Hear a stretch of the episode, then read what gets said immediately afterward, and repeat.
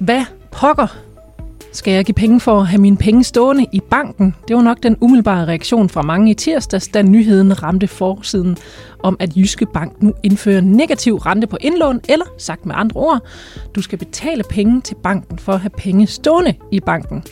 Godt nok, der skal du øh, være velhavende kunder have over 7,5 millioner kroner på kontoen, men alligevel gav nyheden nok bekymrede rynker i panden hos mange. For øh, kan jeg nu risikere, at det også rammer mig selv på et tidspunkt? Det og meget andet taler jeg med Jyske Banks ordførende direktør, Anders Dam om. Velkommen til Kejseriet. Jeg hedder Anne Kejser. Og øh, dermed velkommen til dig, Anders Dam. Tak for det. Som, øh, som sagt, så øh, kom nyheden jo om, at, øh, at der er en negativ indlåns, indlånsrente i Jyske Bank, nu godt nok som øh, for kunderne der med, med en formue på over 7,5 millioner, så umiddelbart vil jeg sige, det rammer ikke lige mig i hvert fald. Men hvordan har øh, reaktionen været rundt omkring på den her nyhed? Jamen, jeg synes, den har været overraskende afdæmpet, skråstreg, positiv.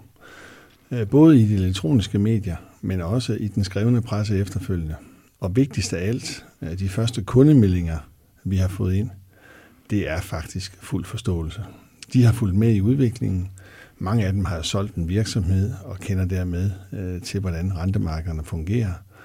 Og jeg tror dybest set, mange har undret sig over, at øh, de har kunnet sætte pengene ind til 0, når de ved, at vi skulle placere dem til minus øh, 0,65 i Nationalbanken, eller købe værdipapirer med kursrisiko på, hvor renten også var negativ. Så de ved jo godt som udgangspunkt, at indkøbsprisen skal være lavere end udsalgsprisen, for der er masser af omkostninger, der skal dækkes til medarbejdere, til myndigheder, til altså kapital, som vi skal holde til indskydergarantiordninger osv. Så derfor er det kommet som en meget lille overraskelse. Og ingen negative reaktioner indtil videre. Intet overhovedet? Nej. Hvad havde du øh, frygtet kom til at ske? Jamen, jeg havde sådan set ikke nogen forventninger, fordi man kan jo ikke vide det, når det er en, en nyhed, der ikke har været der, der før. Øh, så jeg var bare afventende, og så ville jeg stille og roligt svare på øh, de reaktioner, der eventuelt måtte komme. Jeg har så også øh, fulgt lidt med i, i medierne, og der bliver også talt om, at andre banker kommer til at, at følge i Jyske Banks fodspor. Er du enig i det? Jamen, det ved jeg faktisk ikke, om de gør. Altså, det har jeg også set de udtalelser der, og, og hvad de gør, Jamen, det er jo op til dem selv. Uh, vi gør det, vi mener, der er rigtigt for Jyske Bank, og tager sådan set ikke uh, hensyn til, hvad andre uh, har tænkt sig at gøre i den her sammenhæng. Men man kan jo selvfølgelig ikke udelukke, det kommer ske, til at ske. Ja, det kan man ikke. Det kan og, man. og sikkert er det jo så, at Jyske Bank er de første. Nej, det er vi faktisk ikke. Hvem er det så er de første? Således, i Dan, at vi er hverken nationalt eller internationalt er vi de første. Um, det er således, at der er et større pengeinstitut, Nordisk Pengeinstitut, øh, som har til hus i København, som åbenbart har kørt med negative renter. Ganske vel lidt under radar, men det har de gjort ifølge deres prisblade igennem et længere stykke tid.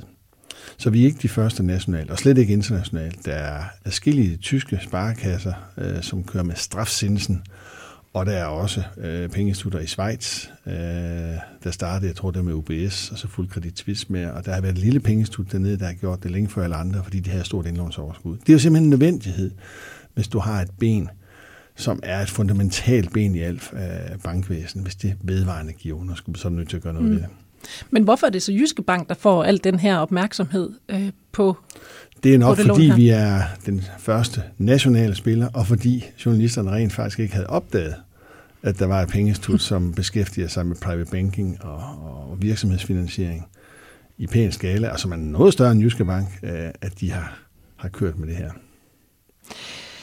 Men øh, har der været en, en, en strategi i forhold til at lad os så sige, være en af de første i hvert fald, fra Jyske Banks side? Overhovedet ikke. Forstået på den måde. Vi har løbende fuldt udviklingen. Og øh, jeg sagde det faktisk allerede tilbage i 2016, dengang vi havde haft negativ rente i et par år, hvor vi jo var den første, der gik, om jeg så må sige, i bund med hensyn til vores erhvervskunder. Altså jeg tror, det var Danske Bank, der introducerede negative renter op til 5 millioner derover øh, for erhvervskunder. Og da vi så endelig kom med, så gik vi til gengæld hen og sagde, at det er fra 0 kroner, øh, for ikke at få al den her arbitrering mellem de forskellige mm. konti. Og der udspandt sig sådan en debat, om det også kunne komme til at ramme private. Og der sagde jeg så, at øh, det kunne jeg godt se for mig, hvis det her det varede ved. Øh, og det har det jo så gjort, for nu har det varet ved i fem år. Øh, siden 2015 har vi haft det her miljø, og der var lige en kort periode op til 2014, hvor det også var.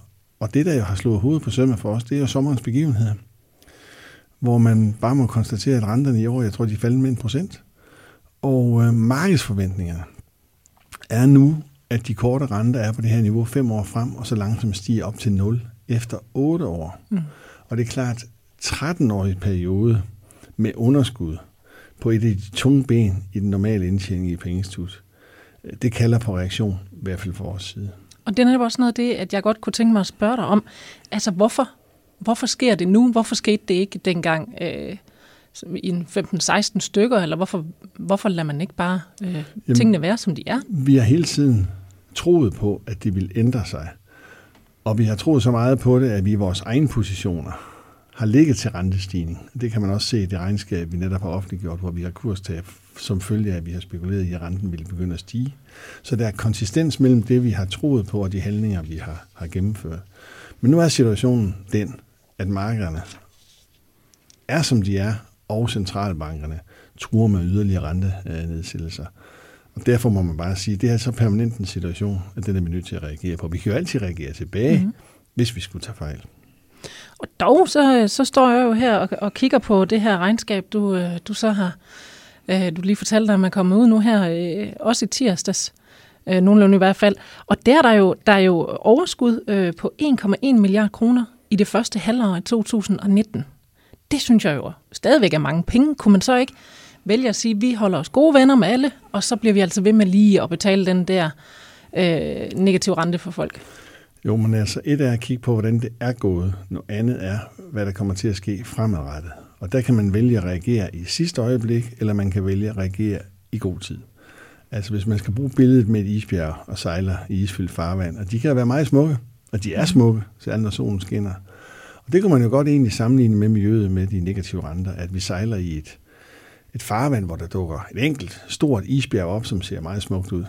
Men jo nærmere vi kommer det, jo farligere bliver det. Fordi der er jo den her fod nedenunder, øh, som kan være af en mærkelig størrelse, som du kan grundstøde på. Det kan spalte, det kan vende sig. Og derfor er du nødt til at dreje på roret i god tid, så undgår du søsyge, og du kommer i behagelig afstand af det. Og det er det, vi har gjort her, fordi vi kan jo se, at vores nettorenter falder med 6% i forhold til første halvår sidste år. Og når jeg kigger nogle år tilbage, altså fra fusionen med BRF i 2014, så er vi i den situation, at nu har vi øget vores udlån, og dermed risiko med 100 milliarder kroner. Men vi vil, hvis det går godt, have samme renteindtægter, som vi havde dengang. Og det er jo fordi, at indlånsrenterne er negative og koster os penge. En forretning, som helt frem til 2012 jo var en forretning, der bidrog til indtjeningen i pengestutter. Det gør den ikke længere, men samtidig har vi fået pålagt nogle kapitalkrav, som kan indskydes hvis aktiekapitalen tabes, således at indlånerne kan føle sig sikre. De betaler bare ikke for det. Så, øh, så hvis vi bliver i din øh, isbjergs... Øh, Metafor. Ja, så, så kan man sige, at, at Jyske Bank lige nu er Titanic, der helst skulle styre udenom det her isbjerg her. Jeg vil helst ikke sammenlignes med Titanic. Det er det Jyske Bank gode skib, øh, der reagerer i tide på øh, de forandringer, vi kan se. Du kan også vente om at sige, at vi reagerer på markedsreaktionerne. For hvad har markedsreaktionerne været på vores regnskab? Det var at sende aktiekursen yderligere ned med en 3-4 procent, og det kommer ovenpå, at vi har fået en halvering af vores aktiekurs mm. over de sidste to år. Så det kan godt være, at journalister og andre synes, vi tjener mange penge, men det synes vores ejere altså ikke. Og vi er nødt til at lave en afbalancerethed i forhold til både til vores kunder og i forhold til ejerne.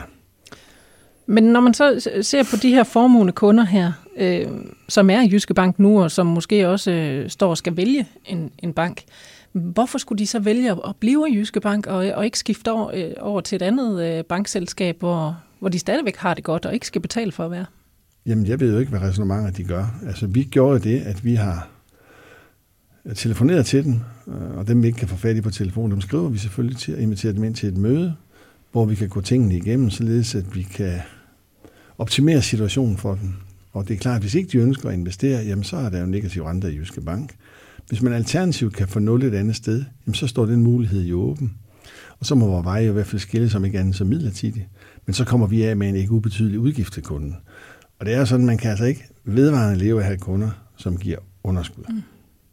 Kunne man forestille sig, at øh, et modtræk for nogle af kunderne kunne være, at de så holder deres formue lige under de her 7,5 millioner kroner i, øh, i Jyske Bank, Ja, da. og så placerer pengene andre steder? Det vil da være fuld rationelt, men så sparer vi jo renteudgiften på den del, der ligger over 7,5 millioner. Det er jo hele øh, formålet med øvelsen her. Enten at få kompensation for det, eller at kunden disponerer på en anden måde. Og der vil jo være en del muligheder for kunderne for at optimere deres situation. Det kan være, at der er noget gæld, der skal indfries, eller kan indfries. Det kan være, at de ønsker at investere. Det kan være, at de ønsker at placere pengene i et andet pengeinstitut. Og det kan være, at de ønsker at købe et realaktiv i form af et hus, sommerhus, hvad ved jeg. Så der er jo masser af muligheder. Men nu siger vi bare, øh, nu er festen slut i relation til, at Jyske Bank yder stort tilskud hver måned. Øh, Det skal en ende, og det får det nu. Og så vidt lige øh, den negative indlånsrente for nu for øh, Anders Dam. Nu skal vi øh, tilbage til øh, din øh, skoletid på Aarhus øh, Universitet. Som øh, økonomistuderende der, hvad lærte du så om en, en situation som, øh, som den, vi står økonomisk i i Danmark lige nu? Jamen, jeg har grænsket min hjerne hen over sommeren her, fordi jeg jo anså det for sandsynligt, at vi skulle ud med den her nyhed. Og jeg har ikke lært om negative renter og indvirkning på samfundsøkonomien, og jeg mener heller ikke, der ligger nogen teoribøger omkring det for nærværende. Men jeg har alligevel sådan søgt øh, tilbage og, og mener, kan finde lidt fornuft i forhold til, hvad var det Keynes han skrev. Og Keynes han levede jo og skrev sin store værk der i 30'erne. Og han var jo inde på noget, der kaldes likviditetsfælden. For der var jo også en dyb krise, hvor der også var lavrentet miljø. Mm. Og hans konklusion var jo, at renten kunne komme så langt ned, at yderligere fald i den ikke ville stimulere efterspørgselen i økonomien. Han var meget opmærksom på, at det, der drev økonomien, det var efterspørgselen. Og øh, der har jo tidligere været økonomer, der, der så mere på udbudssiden. Mm. Men det var et af hans store fortjenester, som jeg husker det. Og øh, det, der er sagen i den sammenhæng, det er, at det, man kalder transformationsmekanismen, altså fra at du pumper nogle penge ud via Nationalbanken, til at det går over og bliver efterspørgsel efter varer, biler, hvad ved jeg, den er usikker. Og den bliver usikker, jo lavere renten var. Det var hans fortjeneste at forske i det. Og så foreslår han jo så til gengæld, at man i sådan en situation, hvor renten, våben ikke længere virker, at der skulle man sætte ind med offentlig efterspørgsel. Altså således, at der er samtidighed mellem, at man for eksempel bygger en bro, en ny bro, og så udbetaler penge. Så får du jo en konkret efterspørgsel. Og det var jo også det, der skabte et kolossalt opsving i øh, Hitlers Tyskland øh, efter 33. Og ja, det var jo, som sagt, det instrument, man brugte, også brugte i efterkrigstiden. Det, der er problemet i den nuværende situation, det er, at øh, man har ikke haft nogen teori omkring, hvordan negative renter virker. Og en del af landene, som skulle kunne øh, måske stimulere øh, via finanspolitikken, de er lammet af en høj gældsætning. Hvilke lande er det? Det er for eksempel de sydeuropæiske lande, inklusive Frankrig, men specielt Italien har jo en meget høj gæld på 130-35 procent af BNP. Og det, der har kendetegnet italiensk økonomi uover politisk uro, det er, at hvis du forestiller dig renten, før det her rentefald var i gennemsnit på deres statsgæld 3-3,5 procent, og væksten kun er 1, mm. så vokser gælden, altså når den er over 100 procent af BNP, så vokser den jo altså hurtigere med fare for, at man var havnet i en græsk situation, hvor man skulle ud og lave det, der hed en PSI, altså en Private Sector Involvement, hvor man gældssanerede den græske stat for næsten 1200 milliarder kroner. Det var det, vi så for, ja, det er ja, nogle mange år år siden. Det var det i 13 eller 14, ja. jeg kan ikke helt huske det. Og med den gæld, som Italien har, som er mange gange større, som er helt op på 17-18.000 milliarder kroner i dansk økonomi, hvis man skulle ud og skære på samme måde, jamen så ville det få enorme dønninger øh, for øh, stabiliteten i den europæiske monetære union. Og det kombineret med, at man står i en situation, hvor England vil ud, mm. og måske øh, bliver Englands udtræden afløst af WTO-tolvregler. Man har Katalonien, øh, som gerne vil løsrive sig fra Spanien. Man har nord- og sydproblematikken i Italien. Og man har i det hele taget en række ting, som kan destabilisere Europa i sådan en situation, hvor der virkelig kan komme store økonomiske formueforskydninger, når man gældsanerer i den her størrelsesorden, som, som der kunne lægges op til her. Så derfor tror jeg, det egentlig er hovedargumentet for, at man sænker renten. At man så også iklærer det og med rette, et håb om, at det også stimulerer væksten. Jamen, det er jo kun det, øh, der er godt, men man siger ikke det, jeg siger her først, som er min hovedforklaring på det her. Og så kommer der, som det næsten altid gør i den her fase, når noget bliver unaturligt, så begynder der at komme teoretiske forklaringer på, at det faktisk er naturligt. Det ser man også, når aktiemarkederne øh, stryger op i himlen, så begynder man at forklare, hvorfor de kan bliver ved med at stige næsten helt uafhængig af den underliggende økonomiske, fundamentale udvikling. Og det er sådan noget med, at vi er blevet flere ældre, og vi har stor opsparing osv. Mit modspørgsmål er det simple. Hvis styringsrenten blev gjort 0 eller plus, og hvis ikke ECB havde købt for mange, mange milliarder euro øh, værdipapir op, så havde kursen nok set anderledes ud, og så havde renteniveauet været andet. Men nu ser det ud, som det gør jo. Ja, ja. og, og det skal vi så agere i det miljø. Ja, og, og hvad skal man så gøre? Øh, fordi, som du siger, der sker mange ting øh, i Europa, og sådan set også øh, ude i resten af verden lige nu, som... Øh, altså, der er uro. Hvad, hvad, hvor ligger Danmark i det her? Jamen, når jeg sådan ser situationen igennem, så er der en meget stor geopolitisk risiko for politisk uro, som kan smitte over på realøkonomien. Lad os starte i Hongkong. Altså, der er ingen af os, der ved, hvad der sker derovre. Jeg synes, det ser skræmmende ud med alt det såkaldt paramilitær, som ruller op og er klar til at rulle ind, hvis de fortsætter deres demonstrationer. Hvis det sker, at de trumler det ned, som man for eksempel trumlede Ungarnsopstanden mm. ned i 56 eller Tjekoslovakiet i 69, så kan der jo godt komme sanktioner både fra Europa og USA mod Kina. Det vil svække væksten. Du har i forvejen en handelskrig, som til syden accelererer på grund af ubalancerne i handelsforholdet mellem øh, USA og Kina. Det kan yderligere forstærkes. Du har også uligheder mellem Europa og USA, yderligere forstærkes. Du har Brexit, som også kan sænke verdenshandel. Så du kan hurtigt finde en række elementer, som alle sammen trækker i retning af, at hvis man indfører handelssanktioner for at redde sig selv på den korte bane, så er det noget, der dæmper væksten. Og øh, det skal man jo så agere i.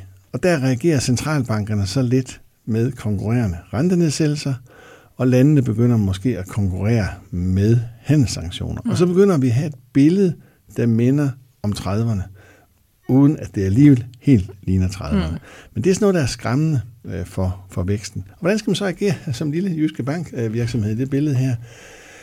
Jamen, jeg vil sige, øh, jeg tror, det klogeste, vi kan gøre, det er at prøve at læse markedssignalerne. Og dem er der flere af til os.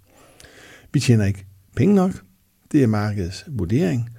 Øh, og selvom du synes, vi tjener mange penge, så markedet kigger jo fremad. Og lad os sige, at vi med lidt held tjener et sted mellem 2,6 og 2,8 milliarder i år.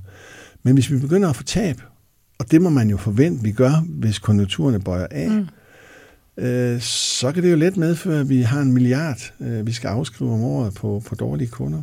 Og så er indtjeningen jo dernede, hvor man kan sige, at det passer med aktiekursen PT. Mm. Så for at sejle ind i sådan en lavkonjunktur, så er vi jo nødt til at bringe indtjeningen op, så vi kan absorbere de tab.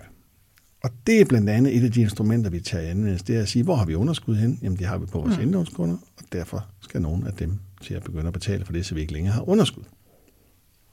Hvis vi sådan ser lidt i lidt større perspektiv, øh, ja, og det bliver jo så din egen vurdering, men øh, er, der, er der krise i sigte, eller... Der er i hvert fald stigende sandsynlighed, fordi negative renter, som er ukendt territorium, det kan jo næppe være sundhedstegn. Mm. Så det er vel øh, et, et, hvad skal man sige, et spejlbillede af, at der er de her enorme ubalancer øh, globalt og regionalt, hvis man siger, at Europa er en region. Og hvordan ser de næste 10 års tid ud i, i verden? Det ved jeg ikke. Ah, ja, nej, nej, jeg ved det ikke. Jeg må bare sige, at det, øh, det ser usikkert ud. Ja. Og det skal man så prøve at aflæse så godt man kan. Og derfor tager vi de her initiativ. Men for sådan en, øh, sådan en, en lille kunde som mig, som jo egentlig ikke har alverden stående på, på kontoen, jeg har heller ikke rigtig noget voldsomt lån, kan sådan en situation så ikke være meget fin? Sker der noget ved, at, øh, at verden ser ud, som den gør? Nej, for, for, for de fleste. Og man kan netop sige, for unge mennesker, som jo så får mulighed for, hvis de har lidt opsparing af erhverv og fast ejendom, så kan det jo se ganske fornuftigt ud at, at få øh, erhvervet hus eller en ejerlejlighed til lave renter. Men øh, der er jo altid to sider af en, en mønt, øh, og det er jo i forhold til den pensionsopsparing, man så øh, skal foretage. Mm. Hvis den er så lav, den rente nu, så må man i hvert fald påregne som unge menneske, at man skal spare længere op. Øh, det vil sige flere år på arbejdsmarkedet. Det regner man i øvrigt også med alligevel. Ja. Og det har en anden positiv virkning, hvis man ser det fra din aldersgruppes side. Det er os gamle her. Vi begynder at få et meget dårligt afkast på vores pensionsopsparing. Og det kan måske være meget godt i en situation, hvor den kaste, jeg tilhører, vokser i omfang. Hvis vi samtidig skulle have en rente på 3-4 procent, så vil vi jo æde os ind på samfundsproduktionen, mm. og sagt på en anden måde, øge skattetrykket på ja, din generation. Ja. Og det kan jo også give spændinger i samfundet. Så man får via markedet bare en uigennemsigtig løsning på et aldringsproblem i relation til pensionsopsparing. Mm. Men der er også nogle faremomenter, fordi når renten er så lav, så er der et faremoment i, at folk så for at undgå den negative rente, kan finde på at købe flere aktier, mere fast ejendom. Og når jeg fremhæver de to aktiver, så hænger det sammen med, at det er to af de aktiver, som har den egenskab i sig, at de kan stige i pris, øh, så du og jeg føler sig rigere sammen med mange andre, uden at nogen føler sig fattigere. Mm. Eksempel. Hvis nu vi to var i Odense, som jeg tilfældigvis var i går, og kigger over på en ejerlejlighed, og vi to, vi bare handler den ejerlejlighed med en måneds frekvens og sætter den op med 100.000 hver måned. Og alle andre tænker, hold da op, er den nu gået fra 5 til 7 millioner til 10 millioner? Jamen så er min 9 millioner værd, hvor jeg kun troede, der var 6 millioner værd, og alle føler sig rigere på den måde. Mm. Og der er også nogle pengestuder, der hopper på den, og de belåner det, så man kan også belåne det nede i pengestuder. Og det kan der være nogle andre, der også bekræfter handlen på det der niveau. Men der er egentlig ikke sket noget produktionsmæssigt underliggende. Er du med? Ja, jeg synes, jeg har hørt, øh, det hedder hørt en boble. den der, det hedder den en boble. historie før. Det hedder en boble. Ja. Øh, men det er altså den egenskab, det har. Og øh, det, der kan bringe det ned, det er selvfølgelig opførelsesomkostningerne på nye boliger, hvor man siger, det kan jo godt være, at kvadratmeterprisen er 100.000 på den ejerlejlighed, du lige har købt, men jeg kan så opføre 1 til 15. Og så på et tidspunkt, så kommer der altså udbud, der får det her til at, øh, at klappe sammen. Men i en længere periode kan det godt være reddet fra øh, de underliggende øh, forhold. Og på samme måde med aktier. Hvis vi nu to forestillede os, at vi var to, der konspirerede omkring Jyske Bank-aktien, og alle andre bare sad og kiggede på det, og så handlede vi den op fra 195 til 200. Jeg kørte de altså selv samme aktier tilbage til 210, du kører dem 230, 280, 300, 400, 500, 1000. Hold op, hvor har vi skabt værdi for aktionærerne i Jyske Bank. Men indtjeningen har ikke rokket sig. Der er bare to, der har knaldet den op øh, i himlen, ikke? Og så kan det godt være, at der er en tredje, der siger, nah, nu synes jeg godt, at de er kommet højt op, nu vil jeg godt sælge. Vi to kigger på hinanden og siger, den kan vi godt snuppe, den der, men vi sætter prisen lige lidt ned. Så kommer der lidt flere, der begynder at sige, nu stiger den jo ikke mere. Og så bliver vi nødt til at sætte prisen ned, og lige pludselig kommer de alle sammen med den, og så er der bare ingen køber, og så knaller det tilbage. Mm. Men inden det sker, der er alle jo oplevet, at deres aktier er blevet femdoblet. Mm. Har måske belånt den lidt, har måske gået ud og følt, nu de køber en ny bil, og så videre, og så videre, og så videre. Det, det hedder formueeffekt. Og det galt også, når vi snakkede opfattelsen af, hvad ens fast ejendom er værd. Og formueeffekten, eller formuestørrelsen, indgår på en eller anden måde i det, man kalder forbrugsfunktionen, når man snakker nationaløkonomi. Og jo rigere folk føler sig, jo mere forbruger de som udgangspunkt.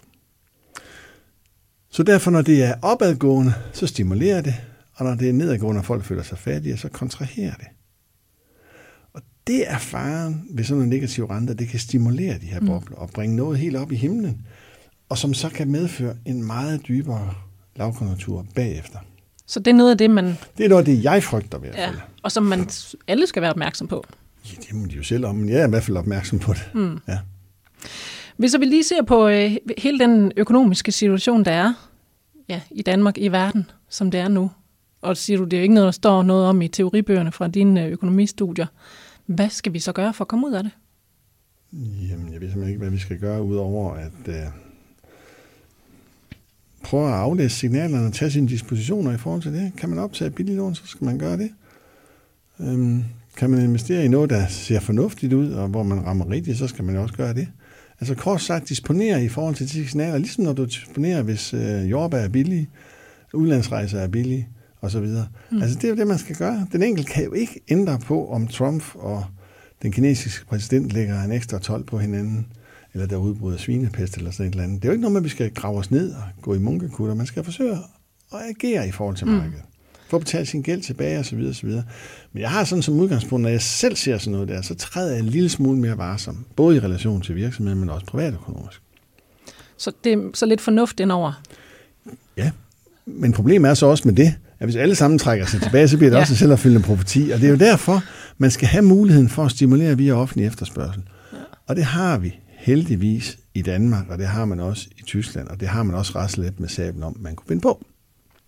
Anders Dam, lige her til sidst, øh, så vender jeg tilbage til, øh, til den her negative indlånsrente, som vi startede ved. Mm-hmm. Og i introen der sagde jeg også, at det må noget, der kommer til at ramme mig, der altså ikke har 7,5 millioner kroner på kontoen. Vil det ændre sig med tiden, så, det, så, så øh, hvad hedder det, loftet bliver, bliver lavere? Jeg håber det ikke, men jeg kan ikke garantere, at det ikke kommer til at ske. Men altså alt det her med den negative indlånsrente og, og hvad det rent faktisk betyder, det kan godt være en øh, stor mundfuld for sådan nogle, for sådan nogle ikke-økonomer som mig selv. Hvis du har det på samme måde, øh, så kan jeg anbefale dig at gå ind på Jyske Bank TV. Der er en øh, to minutters guide til at forstå de negative renter, og derinde der kan du også se og læse meget mere om situationen med den her negative indlånsrente, og også hvad det kommer til eller ikke kommer til at betyde for dig. Anders Dam, tusind tak for øh, besøget, fordi du vil øh, komme og brede emnet ud for os. Velkommen. Og hvis du har et emne, jeg skal tage op øh, med økonomisk kyndige gæster i podcasten her, så er du meget velkommen til at sende mig en mail, og det kan du gøre på anne Jeg hedder Anne Kejser. Tak for nu, og på genhør.